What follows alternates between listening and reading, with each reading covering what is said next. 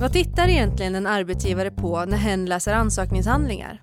Och är det okej okay att säga att man är nervös när man går på en intervju?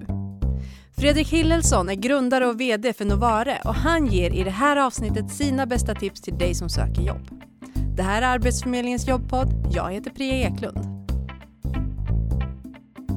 Välkommen till jobbpodden Fredrik. Tack. Du är ju VD för Novare, men du har ju hållit på med rekryteringar sedan 1990-talet och mm. du sysslar fortfarande mycket med rekryteringar. Mm. Och eh, därför så tänkte jag tanka av dig på precis allt som en arbetssökande behöver veta när hen söker jobb. Okej, okay. nej men det, det stämmer. Alltså jag, jag intervjuar, träffar ungefär 700-800 människor varje år och förra året så var jag med och tillsatte 30 chefer till olika jobb i vårt land. Och det är ju så att ungefär 600 000 svenskar får ni byter jobb varje år. Så det är många människor i vårt land som byter jobb.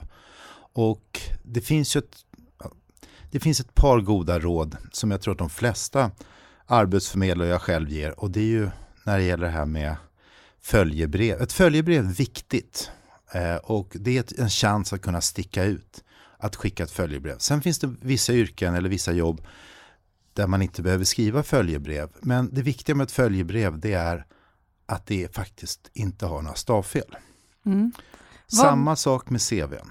Vad visar det då? Om du som arbetsgivare får upp, jag vet när vi pratade innan så sa du så här, nej men hälften utav de här följebreven brukar ha stavfel. Ja. Vad visar det en arbetsgivare? Ja, alltså, problemet är ju att många människor, eller många rekryterare kan ju bara, ska ju sålla, säg att det är flera hundra människor som hör, hör av sig om ett jobb och så visar sig att hälften är felstavat och då kanske man liksom säger att ah, de kan inte stava så sållas man bort. Jag tycker det är olyckligt. Jag, och framförallt, jag menar, om jag får ett, ett brev eller ett, ett CV eller ett följebrev från en nyanländ eh, då har jag fördrag med det. Och jag har faktiskt fördrag om det är några felstavningar. För jag tycker att det är lite hårt att bara sålla ut någon på grund av eh, en felstavning. Jag tycker att det är för elakt och hårt. Men många gör det för att de vill liksom försöka få ner antalet. Men, men se till att det är någon annan som läser ditt brev eller din CV. För det är så himla lätt att man är stressen. För oftast skickar man in ansökningar i sista sekund.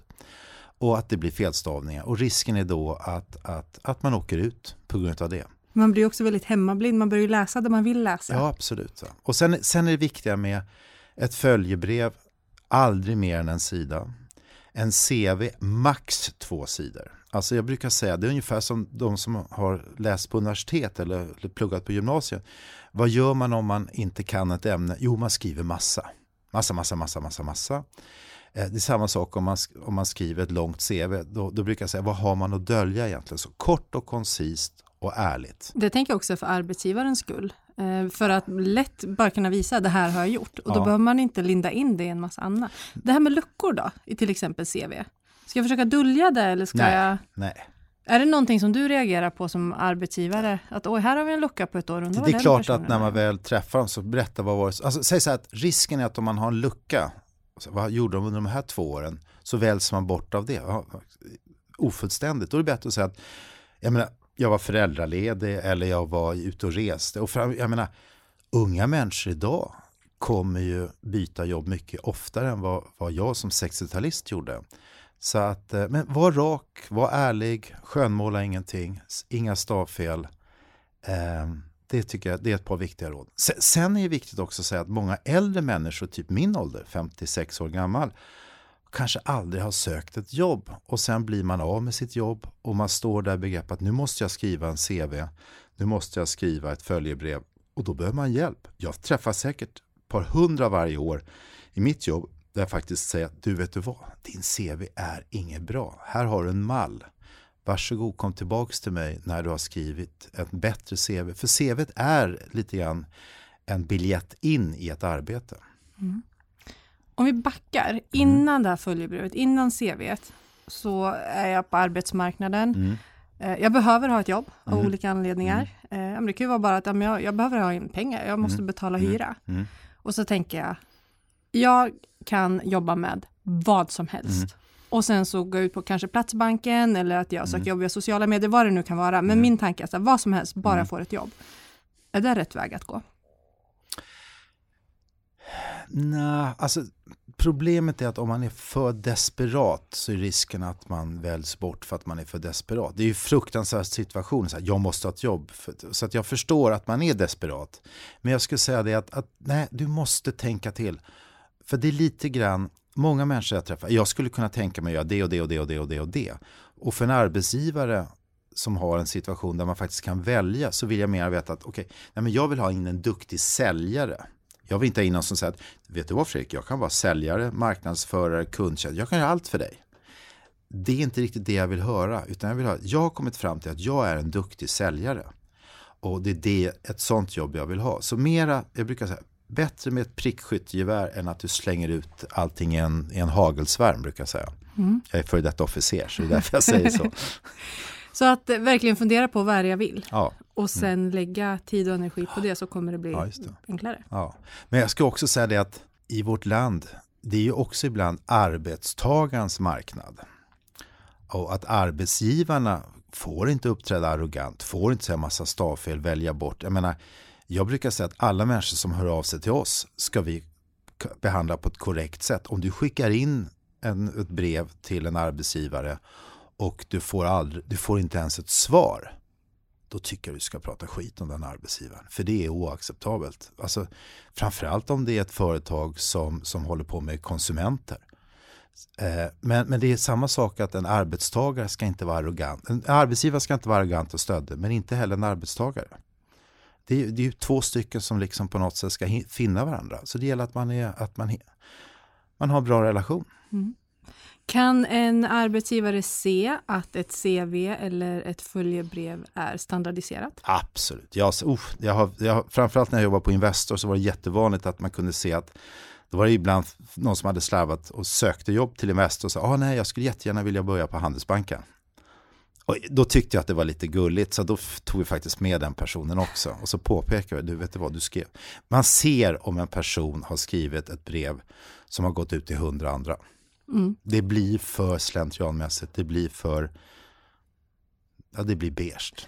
Så det jag hör egentligen, och det är jag inte ett dugg förvånad över heller, för det, det är väl, men det kan vara viktigt att poängtera, just det här, det tar tid. Ja. att söka arbete. Det tar tid att skriva ett CV och personligt brev. Ja. Och, och jag tror att sen finns det ju många människor som inte är duktiga på att skriva, inte behöver ett jobb där man behöver faktiskt skicka ett CV. Utan det handlar ju mer om kanske en personlig kontakt. menar, vi har ett rekryteringsbolag som hjälper nyanlända att få jobb.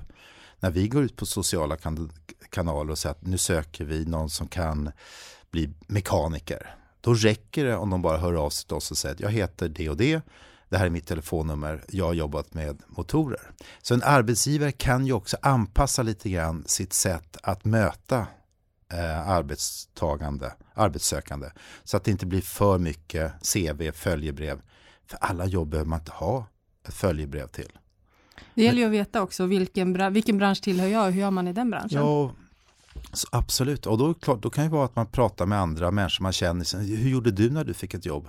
För att, alltså, att söka jobb är en konst och den konsten behöver man anpassa sig beroende på vad det är för typ av jobb man söker. Mm. Jag menar, är det så att man ska vara noggrann i ett arbete, då kan man inte skicka ett CV som har stavfel. För då kommer man åka ut på det. Men är det ett jobb med säljare eller mekaniker, ja då behöver man inte vara noggrann med kanske med det svenska språket. Så att vi måste liksom bli lite mer situationsanpassade från bägge sidorna. Mm. Och i alla de här äh, rekryteringarna som du gör mm. så misstänker jag att du också intervjuar en hel del. Ja, 700-800 förra året. Ja. Precis. Mm. Och en intervjusituation är väldigt speciell. Mm. Eh, jag inbillar mig att den är speciell också för arbetsgivaren, för det här är ju en person som man vill ha in till företaget, mm. där, som faktiskt ska bidra mm. Eh, till någonting. Så, och sen är det ju arbetstagaren, alltså personen mm. som ska intervjuas, där är det ju jättemycket nerver mm. som kan spela in. Vad har du för tips till den som ska på intervju?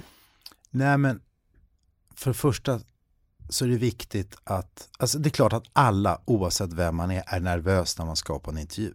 Och man ska vara lite nervös. Och, och, jag tycker att vi då som intervjuar en person ska veta om att man är nervös och liksom skapa en trevlig stämning. Så att i vår, jag menar, i mitt fall, vi har två jätteerfarna kvinnor i receptionen som är 50 plus som är fantastiska på att ta emot våra arbetssökande eller kandidater. Så att de liksom slappnar av, får sig en kopp kaffe eller te och sen bara sen när jag väl kommer in i rummet, då brukar jag alltid börja med att presentera mig själv och vara otroligt trevlig. Och för att personen ska slappna av och känna sig att ja, men han är inte så farlig, eller det här är inte så läskigt. Och jag brukar säga så här att, jag menar, du är, alltså, en arbet, alltså, söker jag en person till ett jobb, eh, så har jag ett uppdrag för en kund. Men jag vill ju att du som individ eh, ska känna att det här är rätt jobb. Så att ju ärligare samtal man kan ha, desto bättre. Så att det handlar mycket om att, att intervjuaren får personen att slappna av. Mm. Och jag brukar säga så att framförallt unga människor brukar fråga, känner du nervös? Ja, jo, men det är okej, okay. men det är ingen fara, vi ska ha ett trevligt bra samtal. Och så släpper det lite grann. Så det handlar också om att, att man är att man, gör, man är mänsklig helt enkelt och schysst. Skulle jag kunna, om du intervjuar mig då och jag mm. känner mig nervös och jag säger så här, du Fredrik, förlåt, alltså jag är jättenervös. Mm. Skulle, det, skulle du känna så här, ja, inga nerver, det skriver vi på minuslistan. Nej. Nej, framförallt med unga alltså en, en äldre människa som har varit med om mycket och säger jag är jättenervös. Det är klart, då tänker man, hmm, det kanske inte är så bra. Men en ung människa som kommer in och är jättenervös och liksom har kanske till och med en kavaj där märket på, på, på, på kavajen är kvar. Att man har köpt den liksom på, på ja, Dressman. Vilket är jättevanligt för man har aldrig haft på sig en kostym tidigare. Då, då får man, det får man ha fördrag med. Mm. Absolut. När jag sitter i intervjun och ja, men jag vill ha det här jobbet och nu har du sagt att man ska vara ärlig men någonstans så vet jag ju vad du ja, men jag vet ju vad tjänsten handlar om och så där. Ska jag säga vad jag tror att du vill höra? Märker du det? Eller ska jag liksom verkligen vara ärlig mot mig själv om man säger? Jag brukar säga så här att, att, alltså att lura Fredrik Hillesson är ganska enkelt. Men att lura sig själv och hoppa på ett jobb som man inte kommer lyckas med, det är ganska korkat. Så att svaret är att nej, men det är klart du ska vara ärlig. Um, och att jag brukar säga att det är, två, det är två jämnstarka parter som träffas. Kommer den här personen funka på det här jobbet? Eller kommer han eller hon misslyckas på det här jobbet? Och man har ju ett ansvar om man tar in en person. Jag vill ju inte att någon misslyckas. Och det är klart att det händer ibland. Och de, tänker, de misslyckan tänker jag på i stort sett varje dag. Okay. Jag vet att du har sagt att eh, man ska ta referenser på sin blivande chef. Man är oftast van vid att, mm. ja men har du några referenser, nu ska vi kolla mm. dig då, du som mm. ska börja jobba här. Mm. Men jag som vill börja jobba hos er, ja men då ska jag ta referenser. Absolut. Varför ska jag göra det? Hur absolut. ska jag göra nej, men absolut. Alltså, det, är, nej, men det är jätteviktigt att få reda på, är det här en, en, en jag menar, ens chef är en oerhört viktig person, framförallt för unga människor, att liksom bli en chef som kan stötta en och lyfta en och få en att växa. Och att då kunna prata med folk, hur är han som chef? Eh, det är klart man ska göra det. Eller man kan till och med kanske säga, du, ärligt talat, unga människor idag är mycket mer framåt än när jag var i, i, i 25-30 års åldern. Och de ja nej men jag skulle gärna vilja, är det någon jag kan ringa och prata med om hur du är som chef? Har jag varit med om. Eller jag, Fredrik, jag har tagit referenser på dig, jag har hört det här. Men då är, man, då är man otroligt trygg i sig själv och alla är inte det. Men sen är det läskigt, framförallt det här med om man går in och läser Facebook och allt som står på, på, liksom, på de här sociala kanalerna så får man ju ha fördrag för att det sprids ju ganska mycket där som faktiskt inte stämmer. Mm. Han, är, han, är, han är jätteotrevlig. Det kan ju, ja. Men det, och det är ju väldigt vinklat också. Det Absolut. kan ju vara en Man, liten händelse ja, som bara ja. exploderar så. Men, eh, men jag tror att jag tror att de flesta som får jobb i vårt land tycker att, alltså jag tror att vi, jag tycker att vi har kommit långt i det här landet. Sen hör jag ju talas om arbetsgivare som utnyttjar människor och det tycker jag är fruktansvärt. Mm. Ja, och det är ju det är ett poddavsnitt bara i sig, tänker ja. jag. Mm. Eh, och jag tänker också att du och jag skulle nog kunna prata jättelänge Absolut. om det här med att vad man ska tänka på som, ja men när man söker arbete och ditt arbetsgivartänk mm. kring mm. det, för att du har så otroligt mycket mm. Erfarenhet kring det. Mm. Men vi har inte den tiden. Nej. Men jag tänkte att du ska få ge några sista tips. Har du något liksom annat som du har tänkt på som du känner så här, men det här vill jag skicka med? Eh, klädseln är viktig. Ja, du får inte klä upp dig och du får inte klä ner dig. Utan du ska tänka till, okej okay, nu ska jag söka ett jobb på en kundtjänst. Eh, kan jag då komma i jeans? Absolut.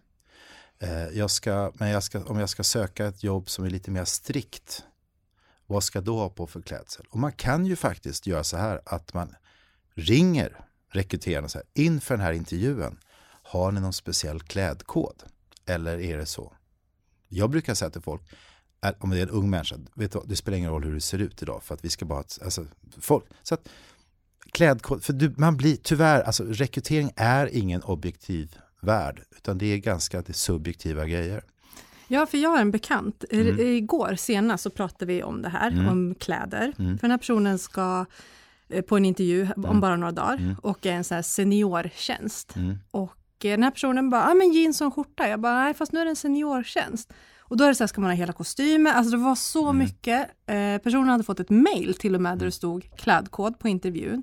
Klä dig som att du ska eh, göra intryck på någon Mm. Alltså det var, så här, det var verkligen så här, tänkte in i den här situationen. Mm. Och det blev en sån press. Så att den här personen höll på i flera timmar och fram och tillbaka och sen bara skor, vad ska jag för skor?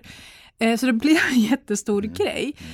Och sen så filosoferar vi sen, men det kanske inte spelar någon roll, fast någonstans gör det jo, men vissa det. Jobb, I vissa jobb måste du ha en uniform och vissa jobb behöver inte ha på det. Sen ska man säga, det här börjar släppa mer och mer. Kläder, det är inte lika formellt som det var tidigare. Nej, men det, är, det spelar fortfarande ja, roll, så kom inte tror, dit i din mest slitna tisha. Ja, eller liksom. liksom så att, ja, nej men du måste liksom, du måste se hel och ren ut. Mm.